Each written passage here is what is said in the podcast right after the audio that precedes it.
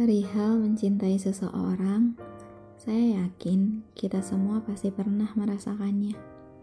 Dan ya memang setiap orang berhak untuk itu. Ingin memendam atau mengutarakannya, itu sudah menjadi pilihan masing-masing. Tapi kalau saya, saya lebih memilih untuk memendamnya. Kenapa begitu?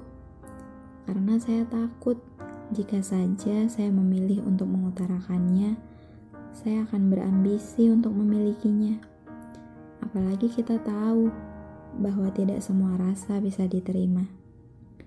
Dan jika memang dia tercipta untuk saya, saya yakin Tuhan sendiri yang akan mengatur semuanya agar kami bisa bersama. Jadi, untuk saat ini, saya memilih untuk karena setidaknya saya sudah cukup bahagia dia ada.